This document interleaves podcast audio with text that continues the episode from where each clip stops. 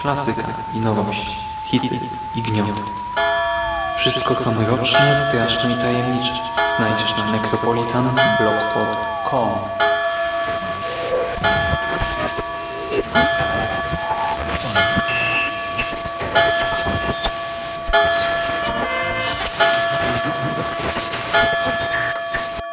Witam w nawiedzonym podcaście.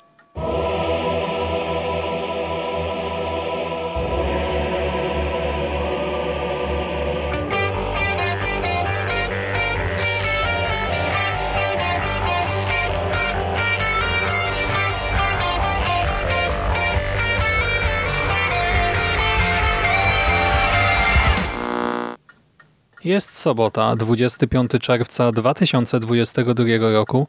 Słuchacie właśnie 400 nawiązanego podcastu na blogu Necropolitan, a po tej stronie mikrofonu wita się z wami wybierający się niedługo do Katowic i do kopalni Szymas. Witam was i zapraszam na recenzję filmu Antlers z 2021 roku. Poroże, bo tak brzmi polski tytuł tej produkcji, kupiło mnie jeszcze na etapie zapowiedzi. Miało dobry zwiastun. Dodatkowo jeden, e, jednym z producentów miał być Guillermo del Toro, a głównym bohaterem miał być chłopiec, który wyglądał przejmująco już w tym zwiastunie, a jeszcze w tle miał pojawić się przerażający potwór. I pomyślałem sobie, kurczę, to wygląda jak e, jeden z tych lepszych horrorów z dzieciakiem w roli głównej. Potem jeszcze pamiętałem, że ten film trafił na listę najlepszych horrorów 2021 według Rotten Tomatoes i dlatego postanowiłem go w końcu nadrobić. Jakoś umknął mi fakt, że zajął na tej liście ostatnią lokatę. To jest 45. miejsce z 60% świeżości. To jest ostatnie miejsce z tych najlepszych, tak? W sensie nie ze wszystkich w danym roku, e, tylko z tej takiej, nie wiem, no top 45 w tym wypadku. I to może nie brzmi jakoś bardzo zachęcająco, ale e, wyszło w ubiegłym roku no grubo ponad 100 horrorów. Nie chcę tutaj strzelać, ale tak na oko to co najmniej ze 150. A konkurencja była naprawdę mocna, bo wyszło też wiele dobrych produkcji. Tak więc yy, ta 405 lokata może szału nie robi, ale ja też jestem teraz po seansie w stanie zrozumieć, z czego to może wynikać. Poroże nadrobiłem, nie żałuję, ale jest kilka małych ale i o tym więcej za chwilę. Film ten zabiera nas do małego górniczego miasteczka, ale nie na Śląsku, a w Oregonie i w miejscowym gimnazjum rozpoczyna pracę Julia nowa nauczycielka i jej uwagę przyciąga apatyczny uczeń Lukas. Chłopiec wygląda na zaniedbanego, to też y, Julia podejmuje pewne kroki, by dowiedzieć się o nim czegoś więcej, a równolegle jej brat i miejscowy szeryf Paul prowadzi śledztwo, jej brat i szeryf jako jedna osoba prowadzi śledztwo w sprawie brutalnych morderstw, y, do których dochodzi w miasteczku, brutalnych morderstw z elementami kanibalizmu i okaleczania ciał, więc bardzo nieprzyjemna sprawa.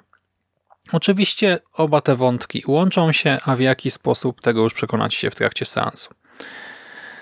Del Toro jest jednym e, z producentów, ale właśnie tylko jednym z producentów. Reżyserem jest Scott Cooper, który no już od kilku filmów lubi, lubuje się w takich mrocznych klimatach, a teraz poszedł ostro w kino grozy, bo po Antlers wziął się za The Pale Blue Eye, i e, no właśnie ten tytuł też ma być horrorem. Za bazę dla scenariusza posłużyło tym razem opowiadanie Nika Antoski. Nick Antoska raczej nie jest wam znany jako pisarz, ale właśnie jako scenarzysta, który między innymi współtworzył scenariusze do Channel Zero, które lubię, e, czy Into the Dark, e, epizodu, którego akurat nie widziałem, więc się nie wypowiem i był też showrunnerem Nowego Smaku Wiśni, e, serialu, który wprawdzie zakończył się może nie do końca satysfakcjonująco, ale na pewno był jakimś tam doświadczeniem kinowym, serialowym dla mnie, więc cóż, Antoska jest gdzieś tam wysoko na mojej liście osób do sprawdzania, do, jeżeli chodzi o nowe e, rzeczy, zwłaszcza związane z grozą na ich kontach. E, I e, właśnie teraz na podstawie tego opowiadania sam Nick Antoska wraz z Cooperem i jeszcze debiutantem w materii scenariuszowej Henrym Chasonem przerobili właśnie ten pierwotny pomysł na scenariusz. No i wyszła im dość mroczna historia. W ramach sceny otwarcia dostajemy no coś takiego typowego tak, dla kina grozy współczesnego, taki e, chlast w twarz. E, dwóch producentów narkotyków e, urządza sobie dziuple na terenie zamkniętej kopalni. Kopalnia ma niedługo zostać ponownie oddana do użytku, więc nasi dealerzy zgarniają towar i nagle jakieś monstrum robi im kuku. E, to ma przeciągnąć, znaczy nie tyle przyciągnąć, co utrzymać widzów e, przed ekranem. E, wiecie, mamy zwiastun tego, że tam gdzieś czai się jakieś potężne, złe coś. Potem jednak na bardzo długo zapominamy o tej bestii. Znaczy, może nie tyle zapominamy, bo film pamięta o tym wątku. Nie chcę tutaj stwierdzać, że scenariusz coś myli, gubi, ale spychamy ją tę bestię na drugi, trzeci, czy nawet dalszy plan i skupiamy się bardziej na ludziach w miasteczku. Miejscem akcji jest, y, jak już powiedziałem, małe miasteczko, położone na uboczu, gdzieś w Oregonie. Ono nazywa się tutaj chyba Sispusk Falls czy coś takiego. Ma nieczynną kopalnię Greymouth, e, więc mamy górnicze miasteczko bez kopalni, ludziom się nie przelewa, masa osób jest uzależniona od opioidów, nawet mówią o tym w radio i w telewizji. Każdy no, orze jak może i sam pierze swoje brudy. Policja mniej więcej wie, kto co ma za uszami, ale też nie za bardzo może coś z tym zrobić bo no, ludzie są w, kiepskiej sytuacji, nie można każdego posadzić, zwłaszcza, że ci ludzie mają też dzieci i jak się pozamyka wszystkich rodziców, no to dzieciaki zostaną zupełnie bez opieki. Tego typu dylematy są tutaj niestety codziennością i w tej miejscowości pojawia się Julia.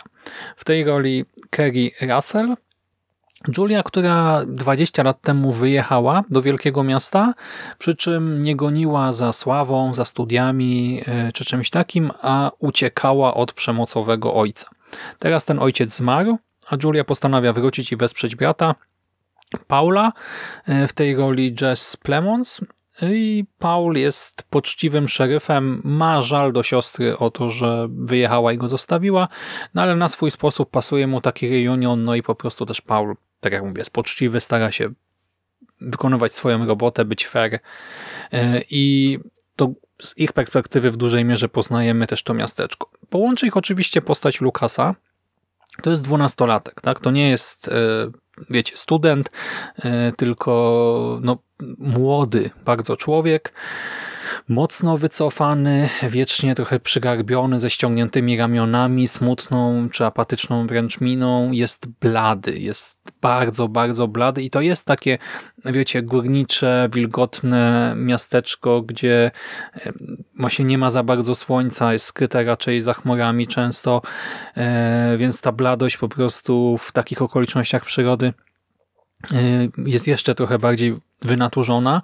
Chłopiec nosi czystą w miarę, ale dziurawą koszulkę.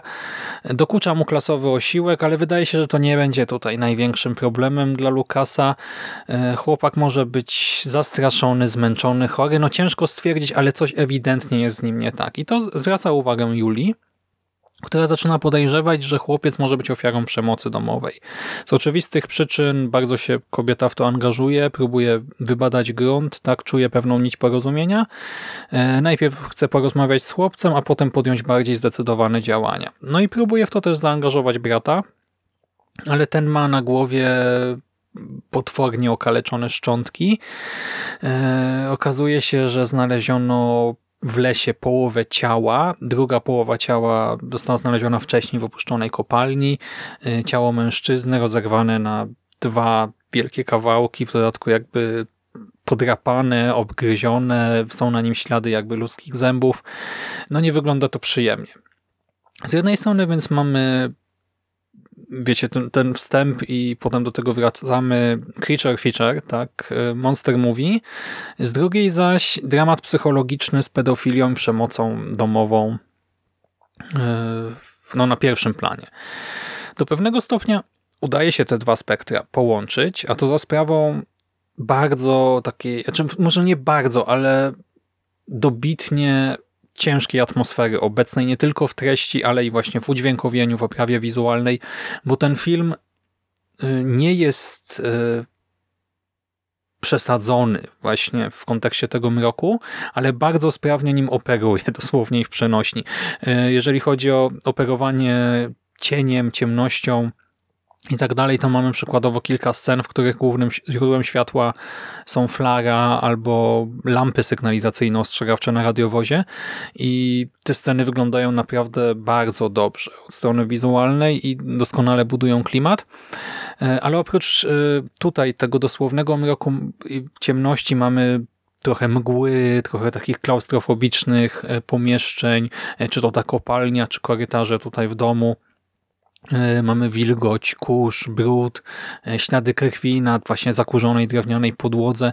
To są elementy budujące ten świat. I to nie jest tak, że nie ma tutaj żadnej nadziei. Słońce w ogóle nie świeci, wszyscy są smutni i źli, bo takie filmy też e, kojarzymy, gdzie to wszystko jest właśnie przerysowane. Nie, po prostu widz czuje, że raczej nie chciałby mieszkać w tym miasteczku. Tak? To, tam nie ma za bardzo perspektywy na przyszłość, nie ma za bardzo możliwości rozwoju.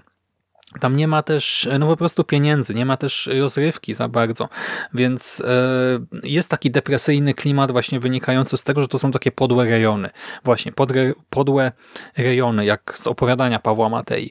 I niestety, gdy ten cały mroczny, minimalistyczny horror o traumie i dramacie jednostek przeobraża się w horror o potworze, to te trudne wątki troszkę tracą swoją wagę. Nagle przesuwamy akcenty na inne miejsca i troszkę się to wszystko rozlewa. Potwór, gdy już w końcu zobaczymy go w pełnej yy, krasie, wygląda dobrze. Nawet można powiedzieć, że prezentuje się bardzo dobrze. Design yy, postaci zasługuje na piątkę z plusem. Tak, e, tylko mam wrażenie, że twórcy nie do końca wiedzieli, jak przejść od tego śledztwa w sprawie przemocy do konfrontacji z fantastyczną istotą. Dlatego też mamy człowieka ekspozycję. Chodzi o to, że pojawia się postać, która gdzieś tam zostaje wzmiankowana wcześniej, ona istnieje gdzieś w tle i w trzecim akcie po prostu wprost nam mówi, z czym mamy do czynienia i jak można to pokonać. To nie jest tak, że to wywala cały film do góry nogami, ale Wiecie, to jest taki wręcz błąd po prostu scenariuszowy. Taka rzecz, której się powinno unikać, to tutaj mamy. Następnie zaś mamy też lekkie ogłupienie lokalnych policjantów, by doprowadzić do ekscytującego finału i rozumiem, że właśnie to miało nam pozwolić na podprowadzenie pod pewne sceny, ale boli mnie to i przeszkadza mi tutaj, bo film stawia na całkiem duży poziom realizmu, dba o szczegóły i pokazuje też, że policja tutaj w tym miasteczku, ona nie jest absolutnie zła, nie jest głupia, tylko po prostu w niektórych sprawach jest trochę bezradna. Tak, że nie zawsze ma coś do powiedzenia, nie zawsze ma możliwości działania, nie zawsze jest dobre wyjście z danej sytuacji i nawet takie lekkie, bo to nie jest tak, że tutaj bohaterowie naprawdę robią jakieś straszne głupoty, ale nawet lekkie ogłupienie e, tych policjantów gryzie mi się z tym całym właśnie realizmem i powagą wcześniejszych scen troszkę. W końcu następuje brutalny finał, po nim jeszcze słodko-gorzki epilog. I to jest w miarę satysfakcjonujące, do czego ten film nas doprowadza, ale niestety mam wrażenie, że część wątków nie wybrzmiewa tak, jakbym tego oczekiwał, a pewne elementy są trochę niejasne i jeżeli obejrzymy film e, i potraktujemy go tak bardzo powierzchownie, no to okej, okay, dostaniemy sensowne zakończenie, e, też e, czymś, czego można się spodziewać w tym epilogu.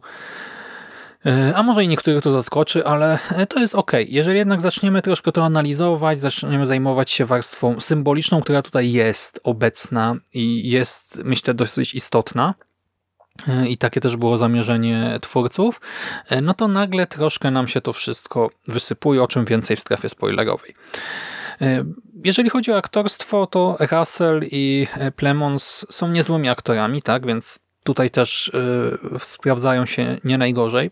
Jeremy T. Thomas jako Lucas jest chwalony wszędzie e, i rzeczywiście wypada bardzo dobrze. Jest ciutkę przerysowany może momentami, ale e, to nie przeszkadza, przy czym Wiecie, to jest tak młoda osoba i on nie jest też jakoś mocno doświadczonym aktorem, y, że myślę, iż tutaj największe uznanie należy się samemu reżyserowi, bo bez niego pewnie, bez dobrego poprowadzenia tak, tak młodej osoby nie dostalibyśmy y, tak dobrej kreacji potem. Ja osobiście wyróżniłbym Scotta Hayesa, który wciela się w ojca Lukasa, Franka, w recenzjach, na które się natknąłem, nikt o nim nie wspomina, właśnie wszyscy skupiają się e, na samym Tomasie, Jeremy T. Tomasie jako Lukasie, e, czy na właśnie tym głównym duecie, a dla mnie Hayes e, tutaj wymiata najbardziej, bo dostał strasznie nietypową rolę i nie ma może jakoś bardzo dużo do zagrania, ale w tych kilku momentach, gdy ma coś odegrać, no to radzi sobie doskonale i też ma takie momenty bardzo cielesne i przez to myślę trudne, tak naprawdę wymagające dużo więcej niż e, wiecie, bycie smutnym człowiekiem w smutnym miasteczku, do czego trochę sprowadza się tutaj częściowo, tak, e, reszta ról. I za to ode mnie duży plusik. I też chciałbym jeszcze wyróżnić, wizualnie ten film jest e, naprawdę ok, tak jak mówię, ten mrok, to operowanie światłem, cieniem, e, to wszystko robi duże wrażenie, ale też soundtrack oryginalny. E, zazwyczaj te soundtracki mam wrażenie są w dużej mierze do zapomnienia, nawet jeżeli fajnie podbudowują atmosferę, no to niekoniecznie chce się do nich wracać, a tutaj soundtrack oryginalny Javiera Navarreta sprawił, że wróciłem do niego po seansie. Jest nim kilka takich niepokojących utworów, które skojarzyły mi się w sumie z grami komputerowymi, e, z grami typu Silent Hill czy Alan Wake. E, no to są oczywiście bardzo pozytywne skojarzenia i to, to nie jest może nie wiem, rewelacyjny soundtrack tak obiektywnie całościowo, ale ma kilka lepszych tracków. No i chyba tyle mogę wam powiedzieć bezspoilerowo, ale że ten film ma właśnie tę bogatą warstwę symboliczną, to chciałbym jeszcze na moment zaprosić tych, którym spoilery nie straszne i tych, którzy film widzieli, y, do osobnej strefy, gdzie troszkę jeszcze bym o tym porozmawiał. Więc jeżeli filmu nie widzieliście, to dzięki, trzymajcie się, a jeżeli widzieliście, to zapraszam na część drugą. Uwaga! Spoiler!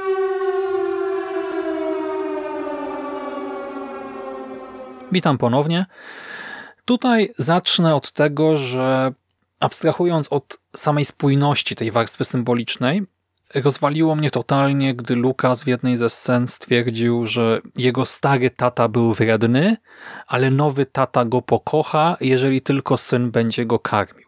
Już rozjaśniam dla osób, które ten film widziały dawno, czy go nie widziały, ale to, to był taki moment, gdzie, wiecie, mój mózg eksplodował i tak nie wiedziałem, czy powiedzieć wow, czy się rozpłakać, czy co.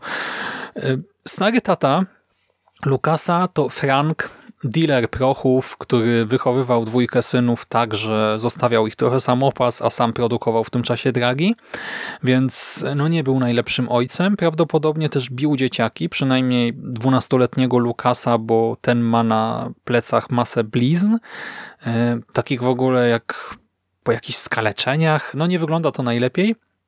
E, o siedmiolatku nie wiemy za wiele, tak? Czy coś się z nim działo złego w domu, może ojciec go na razie oszczędzał. No i to jest ten stary tata, Frank. Nowy tata to też Frank, ale już przejęty przez ducha Wendigo, zaatakowany i w jego ciele, w jego sercu zaczyna się rozwijać Wendigo. Frank zdaje sobie sprawę, że no dzieje się z nim coś złego, więc próbuje ochronić dzieci przed sobą, e, przed samym sobą. E, każe zamykać siebie na piętrze w domu, czy na jakimś tam strychu i przynosić sobie martwe zwierzęta, tak? No bo nie może wyjść na zewnątrz sam, nie wie co się dzieje do końca, ale czuje głód więc Lukas e, przynosi mu e, pożywienie i początkowo opiekuje się Aidenem, ale że Aiden też zaczyna chorować, na jego ciele pojawiają się dziwne wybroczyny i wszystko wskazuje na to, że dzieje się z nim coś podobnego jak z ojcem, no to Lukas e, oddaje Aidena ojcu, no i Aiden siedzi z ojcem na tym strychu, a Lukas przynosi im żywność. To jest zdrowo porąbany wątek, e, w ramach którego widzimy na przykład jak Lukas wracając ze szkoły, jako ten apatyczny właśnie zaniedbany dzieciak, wracając ze szkoły zabija na przykład kamieniem skunksa, czy zgarnia jakieś truchło innego zwierzęcia, by mieć trochę mięsa dla ojca. Szokująca sytuacja, e, która jest odpowiednikiem wysyłania dziecka po alkohol, po fajki do sklepu, po jakieś pieniądze może do kogoś, czy po prostu zrzucenia na dziecko obowiązków domowych, gdy w tym czasie rodzice, nie wiem, chleją, ćpają, czy odsypiają chlanie i ćpanie. Wendigo to więc po prostu alkoholik, ćpun, przemocowiec. E, to już jest taki człowiek, który traci właśnie kontakt z rzeczywistością, zmienia się w potwora. I to jest bardzo mocna metafora czegoś, e, z czym no nie tylko w takich miejscowościach, e, jak tutaj w filmie spotyka się wiele dzieci. Mamy dziecko zmuszane właśnie do zajmowania się rodzicami, to odwrócenie roli. To dziecko opiekuje się dorosłymi, a dorośli no, zachowują się mocno nieodpowiedzialnie. Dziecko, które dodatkowo wierzy, że jeżeli przejmie tę odpowiedzialność, to zyska miłość, czy chociażby szacunek rodzica e, lub rodziców, to jest właśnie to, ten cytat, tak, e, który parafrazowałem, że stary tata był wredny, ale nowy nas, mnie pokocha, tak, jeżeli tylko będę go karmił, czy coś takiego. No, to jest coś, co zostaje w pamięci i coś, co kopie po bebechach. E, bo to jest dziecko, które właśnie, właśnie traci dzieciństwo i traci resztę życia tak naprawdę w pewien sposób, bo przez resztę życia będzie miał poważne problemy ze sobą, e, właśnie z poczuciem odpowiedzialności, z samooceną. Witamy w rodzinie DDA. E, te klimaty, smutna, mocna rzecz i to jak fajnie to wszystko wpleciono tutaj w tę fabułę też no, tak jak powiedziałem, creature feature, e, doceniam strasznie mocno. Niestety ten przygnębiający właśnie ciężki klimat słabnie, gdy Wendigo odrodzone z Franka, bo w końcu no, Wendigo już jest na tyle silne, że wychodzi z ciała Franka, ucieka ze strychu i zaczyna szaleć po mieście, mordując różne, różne inne osoby. E, no to wtedy e, jak gdyby film trochę się gubił. E, po pierwsze, nie do końca jest w tym wszystkim logika w tym, dlaczego Wendigo zachowuje się tak, jak się zachowuje, dokąd zmierza, w jakim celu, tak, czy on nadal ma jakiś związek e, z dzieciakami, czy nie ma. E, po drugie, w mieście mamy już trzy albo cztery takie naprawdę poważne morderstwa i brutalne okaleczenia ciał, i jeszcze kanibalizm w tym wszystkim, a sprawą zajmuje się malutki komisariat tam z, nie wiem, trzema, czterema, może pięcioma gliniarzami na krzyż no to, że nie wezwano żadnego wsparcia e, też nie wygląda najlepiej w tej sytuacji. Nawet nie wiem, czy to nie jest obowiązek po prostu e, służb, żeby jednak wezwać posiłki. W dodatku scenariusz sprawia, że jeden z policjantów, który wie tak, o tych wszystkich zbrodniach, wie, że coś po prostu morduje, brutalnie rozrywa ciała na kawałki e, w miasteczku. Gdy sprawdza teren, słysząc dziwne odgłosy, no to mierzy pistoletem w swoje buty praktycznie.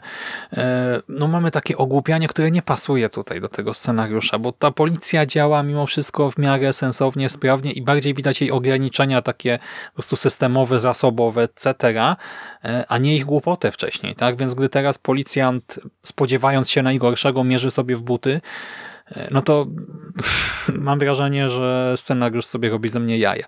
E, mamy też wtedy potwora, który jest bezszelestny, tak? Po prostu pojawia się znikąd za plecami bohaterów. Drugi policjant, to jest nasz główny szeryf aktualny, też bardzo łatwo daje się pokonać. On wprawdzie mierzy tą bronią jako taką, ale też nie sprawdza dookoła, co się dzieje, nie nasłuchuje, e, tylko widząc trupa kolegi staje i daje się też powalić. E, potem jest półprzytomny i tak czuć, że scenariusz po prostu chce wykluczyć policję, żeby można było doprowadzić do konfrontacji e, Julie z Wendigo. E, w finale mamy właśnie tę konfrontację. Julia pokonuje Wendigo zgodnie ze wskazówkami człowieka ekspozycji, naszego byłego szeryfa, który właśnie wyłożył wcześniej karty na stół. I aby było bardziej dramatycznie, no to nie wystarczy, że Julia zabije i wyrwie serce Wendigo. Musi jeszcze to samo zrobić z siedmioletnim bratem Lukasa, Aidenem. I powiem wam, że totalnie tego nie rozumiem. Znaczy, okej, okay, to jest mocne, dramatyczne, ale to nie ma sensu, żadnego sensu. Ja rozumiem, że Lukas e, nie widział w Wendigo już swojego ojca, także mógł pomóc zabić tego potwora, no bo e, to, to coś nawet nie wyglądało jak jego ojciec, już nie przypominało go w żadnym wypadku, to, to była obrzydliwa, wielka bestia ze świecącym sercem w klatce piersiowej, ale jego brat, brat Lukasa Aiden, e, wygląda po staremu, tak? To jest nadal mały, bezbronny chłopiec, Julia przekonuje Lukasa, że no nie ma już ratunku dla Aidena, że już po prostu trzeba go zabić, ale tak po prawdzie to sama Julia tego nie wie. Człowiek ekspozycja powiedział, że w przypadku Wendigo tam właśnie trzeba mu to serce rozwalić, ale e, równie dobrze mógł nie powiedzieć wszystkiego, co wiedział. tak? Nie przekazał wszystkich elementów legendy. Może jest jakiś rytuał, który pozwala wypędzić ducha Wendigo. Nie wiemy, czy zabijanie chłopca jest konieczne. E, kobiecie przychodzi to strasznie łatwo, kobiecie po przejściach, tak? i to w kontekście właśnie przemocy domowej, pedofilii. Strasznie łatwo przychodzi zabicie siedmiolatka, a Lukasowi akceptacja tego, tak? Zgoda na zamordowanie swojego brata i to jest pierwszy taki poważny wyłom, który w mojej ocenie psuje trochę ten finał. A dodatkowo ja w ogóle nie rozumiem, dlaczego Aiden jest e, chory tutaj, tak? Chory na bycie później Wendigo. E, on nawet nie przebywał razem z ojcem e, na tym strychu, wcześniej, tak, to Lukas się nim opiekował.